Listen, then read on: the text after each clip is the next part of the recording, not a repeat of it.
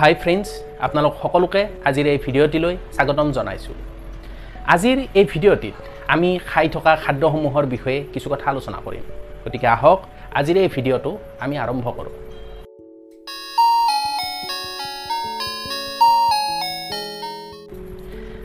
Friends আপোনালোকে জানে খাদ্য হ'ল মানুহৰ এক মৌলিক প্ৰয়োজন। অৰ্থাৎ মানুহ জীয়াই থাকিবলৈ খাদ্য হৈছে অপৰিহাৰ্য। মানুহ এটা সুস্থভাৱে জীয়াই থাকিবলৈ ৰোগ প্ৰতিৰোধ ক্ষমতা বঢ়াবলৈ নিজৰ বৃদ্ধি অটুট ৰাখিবলৈ পুষ্টিকৰ খাদ্যৰ অতিকে বেছি প্ৰয়োজনীয়তা আছে। কিন্তু বৰ্তমান সময়ত আমি যি খাদ্য খাই আছোঁ সেই খাদ্যসমূহত পুষ্টিগুণৰ পৰিৱৰ্তে ৰাসায়নিক বিষ কিছুমানেৰে পৰিপুষ্ট হৈ আছে। ইয়াৰ ফলত আমাৰ শৰীৰে যিখিনি পৰিপুষ্টি খাদ্যৰ পৰা পাব লাগে সেইখিনি পোৱা নাই। বৰঞ্চ কিছুমান অলাগতিয়াল আৰু বিষাক্ত পদাৰ্থ আমাৰ শৰীৰৰ ভিতৰত প্ৰৱেশ কৰিছে যাৰ ফলত আমাৰ শৰীৰত নানান ধৰণৰ ৰোগৰ সৃষ্টি হৈছে। এই ক্ষেত্ৰত আপোনালোকক ক'ব খোজোঁ যে নেশ্যনেল নিউট্ৰিশ্যন ইনষ্টিটিউট নামৰ এটা সংস্থাই যোৱা ত্ৰিছ বছৰে ভাৰতবৰ্ষত খাদ্যৰ যি পুষ্টিগত মান সেইটো কেনেকৈ হ্ৰাস হৈছে ইয়াৰ এখন তালিকা প্ৰস্তুত কৰিছে। আৰু এই তালিকাখনৰ ওপৰত ভিত্তি কৰিয়েই ইণ্ডিয়ান ডায়েবেটিক এছ'চিয়েশ্যন নামৰ এটা সংস্থাই ভাৰতীয় খাদ্যৰ ওপৰত এক গৱেষণা চলায়। আৰু এই গৱেষণাত কিছুমান ভয়ংকৰ তথ্য উন্মোচিত হৈছে। দুহেজাৰ ষোল্ল চনত কৰা এই গৱেষণাটোৰ তথ্যত প্ৰকাশ পোৱা মতে যে ভাৰতবৰ্ষত যোৱা ত্ৰিছ বছৰত খাদ্যবস্তুত থকা পৰিপুষ্টিৰ মানসমূহ বৃহৎ পৰিমাণে হ্ৰাস হ'ব ধৰিছে। উদাহৰণস্বৰূপে আমি নিশ্চয় আমাৰ ককা আইতা অৰ্থাৎ যিখিনি বয়সীয়াল মানুহ আমাৰ ঘৰত আছে তেখেতসকলৰ মুখত আমি এতিয়াও শুনিব পাওঁ যে তাহানিৰ দিনত খোৱা বস্তুবিলাক কিমান উপকাৰী আছিল। চাউলৰ ক্ষেত্ৰতে হওক নতুবা আন তৰকাৰীবিলাকৰ ক্ষেত্ৰতে হওক আমি শুনিব পাওঁ যে সেই সময়ত কিমান পৰিপুষ্টি গুণেৰে এই খাদ্যবস্তুসমূহ সমৃদ্ধ আছিল। কিন্তু বৰ্তমান সময়ত তেনেকুৱা হৈ থকা নাই। এই গৱেষণাটোত প্ৰকাশ পোৱা তথ্য অনুসৰি hundred gram ঘেঁহুত nine percent carbohydrate hundred gram বজ্ৰাত eight point five percent carbohydrate hundred gram মুগ দাইলত six point one two percent iron আৰু হাণ্ড্ৰেড গ্ৰাম মচুৰ দাইলত টেন পাৰ্চেণ্ট প্ৰ'টিন পূৰ্বৰ তুলনাত হ্ৰাস পাইছে। ইয়াৰ উপৰিও আলু বিলাহী ইত্যাদিত যি নিৰ্দিষ্ট পৰিমাণৰ খনিজ দ্ৰব্য থাকিব লাগে যেনে মেগনেছিয়ামেই হওক আইৰণেই হওক ভিটামিন বি জিংক এই খনিজ দ্ৰব্যবিলাকৰ পৰিমাণ যথেষ্ট পৰিমাণে হ্ৰাস পাইছে। আনকি আপেলতো আগৰ পুৰণি সময়ত যি পৰিমাণৰ আইৰণ আপেল এটা খাই পোৱা গৈছিল বৰ্তমান সময়ত এটা আপেল খালে আমি সিমানখিনি আইৰণ নাপাওঁ। গতিকে ৰক্তহীনতাত ভোগা কোনো ৰোগীয়ে যদি ভাবে যে মই আপেল খাম আৰু আপেল খাই মই মোৰ শৰীৰত আইৰণৰ পৰিমাণটো বঢ়াম। গতিকে এনেকুৱাকৈ যদি ভাবি আপেল খায় তেতিয়াহ'লে তেওঁৰ শৰীৰত আইৰণৰ পৰিমাণ কেতিয়াও নাবাঢ়িব। গতিকে আগৰ দিনৰ যিটো কথা আছিল যে সদায় এটা আপেল খোৱা আৰু ডক্তৰৰ পৰা দূৰত থকা এই প্ৰবচনটো যেন এতিয়া অসত্য প্ৰমাণিত হৈছে। গতিকে আমি বুজিলোঁ যে আমাৰ খোৱা বস্তুসমূহত যিটো পুষ্টিগত গুণ সেই গুণসমূহ যথেষ্ট পৰিমাণে হ্ৰাস পাব ধৰিছে। আজিৰ পৰা ত্ৰিছ বছৰ আগতে ইণ্ডিয়ান নিউট্ৰিশ্যন ইনষ্টিটিউট নামৰ এই সংস্থাটোৱে ভাৰতীয় খাদ্যবস্তুৰ যি পৰিপুষ্টিৰ যিটো পৰিমাণ তাৰ ওপৰত যি এক তালিকা বনাইছিল সেইখন যদি আমি চাওঁ তেতিয়াহ'লে গম পাম যে তেতিয়াৰ দিনত অৰ্থাৎ আজিৰ পৰা ত্ৰিছ বছৰ আগতে ভাৰতৰ খাদ্যশস্য পাচলি ফল মূল ইত্যাদিত যথেষ্ট পৰিমাণে পৰিপুষ্টি গুণেৰে সমৃদ্ধ আছিল এই খাদ্যবস্তুসমূহ। কিন্তু বৰ্তমান সময়ত খেতিৰ উৎপাদন বৃদ্ধিৰ কাৰণে আৰু কীট পতংগৰ পৰা নিজৰ খেতিডৰা ৰক্ষা কৰিবৰ কাৰণে খেতিয়কে ৰাসায়নিক সাৰ আৰু কীটনাশক দ্ৰব্য যথেষ্ট পৰিমাণে ব্যৱহাৰ কৰে। আৰু ইয়াৰ ফলতেই ভাৰতবৰ্ষত যি কৃষি উপযুক্ত মাটি আছে সেই মাটিৰ গুণাগুণ যথেষ্ট পৰিমাণে হ্ৰাস পাইছে। এই ক্ষেত্ৰত আপোনালোকক ক'ব খোজোঁ ভাৰতৰ মাটিত zinc forty three percent boron eighteen point three percent iron twelve point one percent magnesium five point six percent copper five point four percent হ্ৰাস পাইছে। গতিকে ইয়াৰ পৰা আপোনালোকে বুজিলে যে যিখিনি মাটিত আমি খেতি কৰোঁ সেই মাটিখিনিৰেই যদি কোনো পৰিপুষ্টি গুণ নাথাকে সেই মাটিখিনিয়ে যদি উপযুক্ত নহয় তেনেহ'লে সেই মাটিত উৎপন্ন হোৱা ফচল ফল মূল পাচলি ইয়াত কেনেকৈ পৰিপুষ্টি গুণ থাকিব? গতিকে ফচলত যদি পৰিপুষ্টি গুণ থাকিব লাগে প্ৰথমতে মাটিখিনি উপযুক্ত হ'ব লাগিব। আৰু বৰ্তমান আমাৰ ভাৰতবৰ্ষই হওক বা অসমতে হওক মাটিখিনিয়েই উপযুক্ত হৈ থকা নাই। আৰু যিহেতু ভাৰতবৰ্ষৰ কৃষি উপযুক্ত মাটিত পোষক দ্ৰব্যৰ অভাৱ হৈছে গতিকে এই ঘটনাটো সমগ্ৰ ভাৰতবাসীৰ কাৰণে এক দুৰ্ভাগ্যজনক ঘটনা বুলি আমি ক'ব পাৰোঁ। গতিকে এনেকুৱা খাদ্য খোৱাৰ ফলত আমাৰ ভাৰতীয় লোকসকলৰ ৰোগ প্ৰতিৰোধ ক্ষমতা কমিছে ৰোগৰ পৰিমাণ বৃদ্ধি পাইছে আৰু জনসাধাৰণ দুৰ্বল হৈছে আৰু সমগ্ৰ জনসাধাৰণ ৰোগৰ দিশে আগবাঢ়িছে। আমি সকলোৱে জানো যে ভাৰতবৰ্ষ হৈছে এখন যুৱ প্ৰধান দেশ। কিন্তু এনেকুৱা এখন যুৱ প্ৰধান দেশৰ খাদ্য বস্তুবিলাক যদি মানদণ্ড ইমান নিম্নগামী হয় তেতিয়াহ'লে সেই দেশৰ যুৱ সমাজ তেনেকুৱা খাদ্য খাই ৰোগীয়া আৰু দুৰ্বল জনসাধাৰণলৈ ৰূপান্তৰিত হ'ব।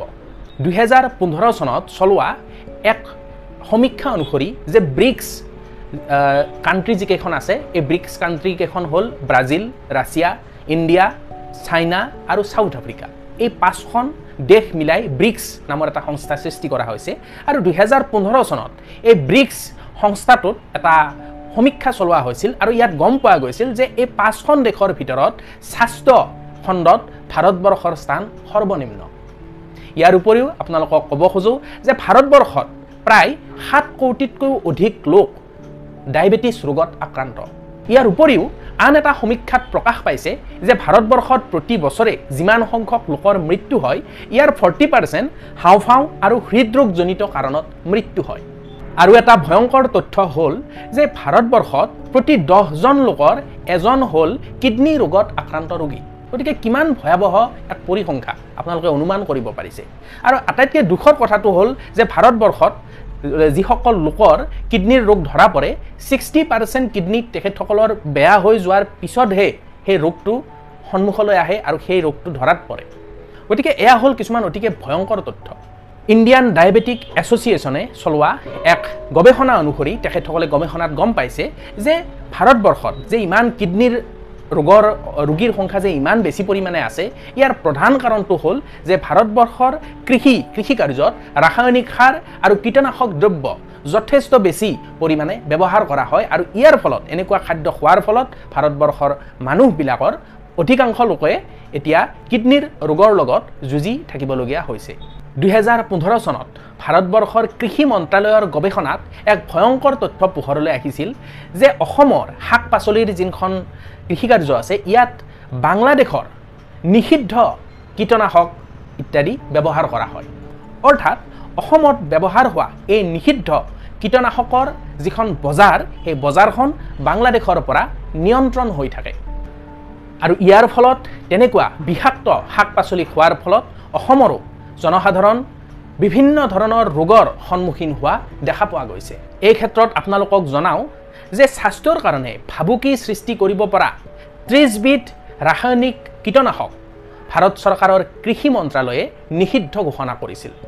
আৰু এই ত্ৰিছবিধ নিষিদ্ধ ঘোষণা কৰা কীটনাশকৰ ভিতৰত আঠবিধ বৰ্তমান সময়তো অসমৰ শাক পাচলি খেতিত ব্যৱহাৰ হৈ আছে। গতিকে এক ভয়ংকৰ তথ্য যে ভাৰত চৰকাৰে নিষিদ্ধ ঘোষণা কৰাৰ পিছতো তেনেকুৱা আঠবিধ কীটনাশক বৰ্তমান অসমৰ শাক পাচলিসমূহত ব্যৱহাৰ হৈ আছে আৰু সেই খাদ্য আমি খাই আছোঁ। আৰু আপোনালোকক জনাওঁ যে এই ব্যৱহাৰ হৈ থকা নিষিদ্ধ কীটনাশকসমূহৰ ভিতৰত আছে এণ্ড্ৰ'চালফেন গেমেক্সিড অক্সিটস্কিন ডেচি monocrotophos D D T aldrin nitrofen ইত্যাদি। গতিকে আপোনালোকে গম পালে যে এই আঠবিধ নিষিদ্ধ ঘোষিত কীটনাশক বৰ্তমান সময়তো অসমত ব্যৱহাৰ হৈ আছে। আৰু এই নিষিদ্ধ ঘোষিত আঠবিধ কীটনাশকৰ মাৰ্কেটখন বাংলাদেশৰ পৰা নিয়ন্ত্ৰিত হয়। এই এণ্ড্ৰ'চালফেন নামৰ যি নিষিদ্ধ কীটনাশকবিধ আছে এই কীটনাশকবিধ প্ৰয়োগ হোৱা শাক পাচলি ইত্যাদি যদি আমি খাওঁ আমাৰ শৰীৰত ভয়ংকৰ কিছুমান অসুখ হ'ব পাৰে। এই ক্ষেত্ৰত আপোনালোকক জনাওঁ ডক্টৰ ভি এছ বিজয়ন নামৰ এজন কৃষি বিজ্ঞানী আছে। তেখেতে কেৰেলাত এই নিষিদ্ধ হোৱা এই কীটনাশকবিধৰ প্ৰয়োগৰ সম্পৰ্কে এক গৱেষণা চলাইছিল। আৰু এই গৱেষণাত তেখেতে পাইছিল যে এই এণ্ড্ৰ'চালফেন নামৰ বিষাক্ত কীটনাশকবিধ ব্যৱহাৰ হোৱা খাদ্য খোৱা মাতৃৰ বিকলাংগ সন্তান জন্ম হৈছে। গতিকে চাওক কেনেকুৱা ভয়ংকৰ তথ্য উন্মোচিত হৈছে। এই ক্ষেত্ৰত আপোনালোকক জনাওঁ যে কেৰেলা ৰাজ্যৰ কাছৰগাঁও জিলাৰ পাদ্ৰে নামৰ এখন অঞ্চলত প্ৰায় চাৰি হাজাৰ পাঁচশ হেক্টৰ মাটিত কাজু খেতি কৰা হৈছিল। আৰু এই কাজু খেতিত ঊনৈছশ সত্তৰ চনৰ পৰাই এৰোপ্লেনেৰে এণ্ড্ৰ'চালফেন নামৰ এই কীটনাশকবিধ প্ৰয়োগ কৰা হৈছিল। এনেকৈ এক বছৰত তিনিবাৰকৈ এৰোপ্লেনেদি গৈ আকাশৰ পৰা এই কীটনাশকবিধ কাজু খেতিত প্ৰয়োগ কৰা হৈছিল। এনেকৈ বছৰ বছৰ ধৰি কীটনাশক প্ৰয়োগ কৰোঁতে কৰোঁতে সেই অঞ্চলৰ মানুহবিলাকৰ বিভিন্ন শাৰীৰিক বিসংগতি মানসিক বিসংগতি স্নায়ুৰ ৰোগ বিকলাংগ শিশুৰ জন্ম ইত্যাদি ভয়ংকৰ কিছুমান ৰোগৰ সন্মুখীন হ'ব লগাত হৈ পৰিছিল। যেতিয়া গৱেষণা কৰিলে তেতিয়া গম পালে যে সেই অঞ্চলৰ কুঁৱাৰ পানী আনকি গৰুৰ গাখীৰ শাক পাচলি চবতে এই বিষাক্ত এণ্ড্ৰচালফেন নামৰ কীটনাশকবিধ মিহলি হৈ পৰিছে। আৰু ইয়াৰ ফলত এনেকুৱা খাদ্য খোৱাৰ ফলত সেই অঞ্চলত বসবাস কৰা লোকসকলে এনেকুৱা ভয়ংকৰ ৰোগ কিছুমানৰ সন্মুখীন হ'ব লগাত পৰিছে।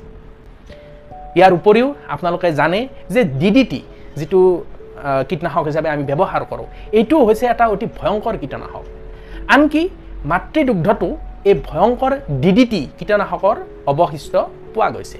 গতিকে আপোনালোকে গম পাইছে যে জন্ম পোৱা শিশু এটিয়ে যেতিয়া মাকৰ গাখীৰ খাই থাকে আৰু সেই মাকৰ গাখীৰতো যদি ডি ডি টিৰ অৱশিষ্ট ধৰাত পৰে তেতিয়াহ'লে পৰিস্থিতি কিমান ভয়ংকৰ হ'ব পাৰে। অৰ্থাৎ সেই নৱজাতক শিশুটোৱেও ডি ডি টিৰ দৰে অতিকে বিষাক্ত কীটনাশক গ্ৰহণ কৰি আহিছে।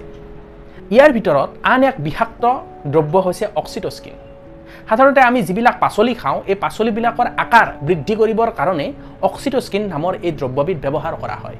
আৰু গৱেষণাত প্ৰকাশ পাইছে যে এনেকুৱা অক্সিটস্কিন মিহলি পাচলি যদি আমি খাওঁ তেতিয়াহ'লে মানুহৰ কৰ্কট ৰোগৰ দৰে অৰ্থাৎ কেঞ্চাৰৰ দৰে ভয়ংকৰ ৰোগৰ সৃষ্টি হ'ব পাৰে।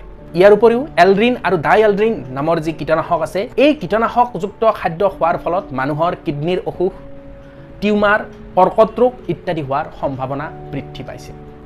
গতিকে আমি গম পালোঁ যে এই যিখিনি নিষিদ্ধ ঘোষিত যিখিনি ৰাসায়নিক দ্ৰব্য আছে এইবিলাক বৰ্তমান সময়তো বিশেষভাৱে অসমৰ কৃষিকাৰ্যতো ব্যৱহাৰ হৈ আছে। এই ক্ষেত্ৰত আপোনালোকক জনাওঁ যে দুহেজাৰ সোতৰ চনত ভূটান চৰকাৰে অসমৰ পৰা ৰপ্তানি হোৱা শাক পাচলিত নিষেধাজ্ঞা জাৰি কৰিছিল। ইয়াৰ কাৰণ হ'ল যে অসমৰ পৰা যি শাক পাচলি ভূটানলৈ যায় সেই শাক পাচলিসমূহত যথেষ্ট পৰিমাণে কীটনাশক দ্ৰব্য আৰু ৰাসায়নিক সাৰৰ প্ৰয়োগ হয়। গতিকে এইটো এটা অতিকে দুখজনক ঘটনা। ভাৰতবৰ্ষত কীটনাশক দ্ৰব্য ব্যৱহাৰৰ যি প্ৰক্ৰিয়া এইটো প্ৰায় ষাঠিৰ দশকত আৰম্ভ হৈছিল। আপোনালোকে জানে যে ষাঠিৰ দশকৰ আগভাগত ভাৰতবৰ্ষত দুৰ্ভিক্ষ হৈছিল আৰু খাদ্যশস্যৰ যথেষ্ট পৰিমাণে নাটনি হৈছিল।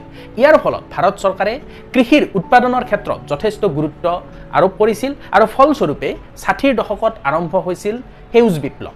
আৰু এই সেউজ বিপ্লৱত সম্পূৰ্ণ কৃষি পদ্ধতিটো ভাৰতবৰ্ষৰ এক বৃহৎ পৰিৱৰ্তন সংঘটিত হৈছিল। উদাহৰণস্বৰূপে কৃষিকাৰ্যত বিভিন্ন ধৰণৰ মেচিনাৰী ইত্যাদি ব্যৱহাৰ কৰা হৈছিল। ট্ৰেক্টৰেই হওক বা আন আন মেচিনাৰী। ইয়াৰ লগতে উৎপাদন বৃদ্ধিৰ বাবে ৰাসায়নিক সাৰ ব্যৱহাৰ কৰা হৈছিল পোক পৰুৱা ইত্যাদিৰ আক্ৰমণৰ পৰা ৰক্ষা পৰিবৰ কাৰণে কীটনাশক দ্ৰব্য ব্যৱহাৰ কৰা হৈছিল লগতে হাইব্ৰিড জাতৰ বীজ ব্যৱহাৰ কৰা হৈছিল। গতিকে এনেকৈ সেউজ বিপ্লৱৰ ফলত এই ৰাসায়নিক সাৰ আৰু কীটনাশক দ্ৰব্য কৃষিকাৰ্যত প্ৰয়োগ কৰাৰ প্ৰবৃত্তিটোৰ আৰম্ভণি হৈছিল আৰু ইয়াৰ দুৰ্ভোগ সমগ্ৰ দেশবাসীয়ে এতিয়া আমি ভোগ কৰিব লগাত পৰিছোঁ। এই ক্ষেত্ৰত আটাইতকৈ বেছি দুৰ্ভোগ ভুগিবলগীয়া হৈছে পঞ্জাৱ ৰাজ্যখনে আপোনালোকে জানে যে পঞ্জাৱ ৰাজ্যৰ খেতিয়কসকল যথেষ্ট উদ্যমী আৰু ব্যৱসায়িক ভিত্তিত তেখেতসকলে খেতি কৰে। যথেষ্ট পৰিমাণৰ কীটনাশক দ্ৰব্য ৰাসায়নিক সাৰ তেখেতসকলে কৃষিকাৰ্যত ব্যৱহাৰ কৰে। আৰু ইয়াৰ ফলত কি হৈছে? পাঞ্জাৱত যথেষ্ট পৰিমাণে কৰ্কট ৰোগীৰ সংখ্যা বৃদ্ধি পাবলৈ ধৰিছে। এই ক্ষেত্ৰত আপোনালোকক জনাওঁ যে পাঞ্জাৱত কৰ্কট ৰোগৰ প্ৰাদুৰ্ভাৱ ইমানেই বেছি বৃদ্ধি পাইছে যে সৰু সৰু ল'ৰা ছোৱালীৰ দেহতো কৰ্কট ৰোগ ধৰাত পৰিছে। আনকি এনেকুৱা এটা অৱস্থা হৈছে যে ৰাজস্থানৰ বিকানেৰ জিলাত চেৰিটেবল ট্ৰাষ্ট এটাই কৰ্কট ৰোগৰ চিকিৎসালয় এখন স্থাপন কৰিছিল। আৰু এই কৰ্কট ৰোগৰ চিকিৎসালয়খনত চিকিৎসা কৰিবৰ কাৰণে পাঞ্জাৱৰ ভাটিন্দাৰ পৰা নিতৌ এখন ট্ৰেইন অহা যোৱা কৰে আৰু এই ট্ৰেইনখনৰ নাম হৈছে কৰ্কট ট্ৰেইন বা কেঞ্চাৰ ট্ৰেইন। গতিকে আপোনালোকে অনুমান কৰিব পাৰিছে যে কিমান ভয়ংকৰ পৰিৱেশৰ সন্মুখীন হ'বলগীয়া হৈছে পঞ্জাৱ ৰাজ্যৰ জনসাধাৰণে। গতিকে বৰ্তমান সময়ত আমি এই সম্পৰ্কে সজাগ আৰু সচেতন হ'বৰ হ'ল।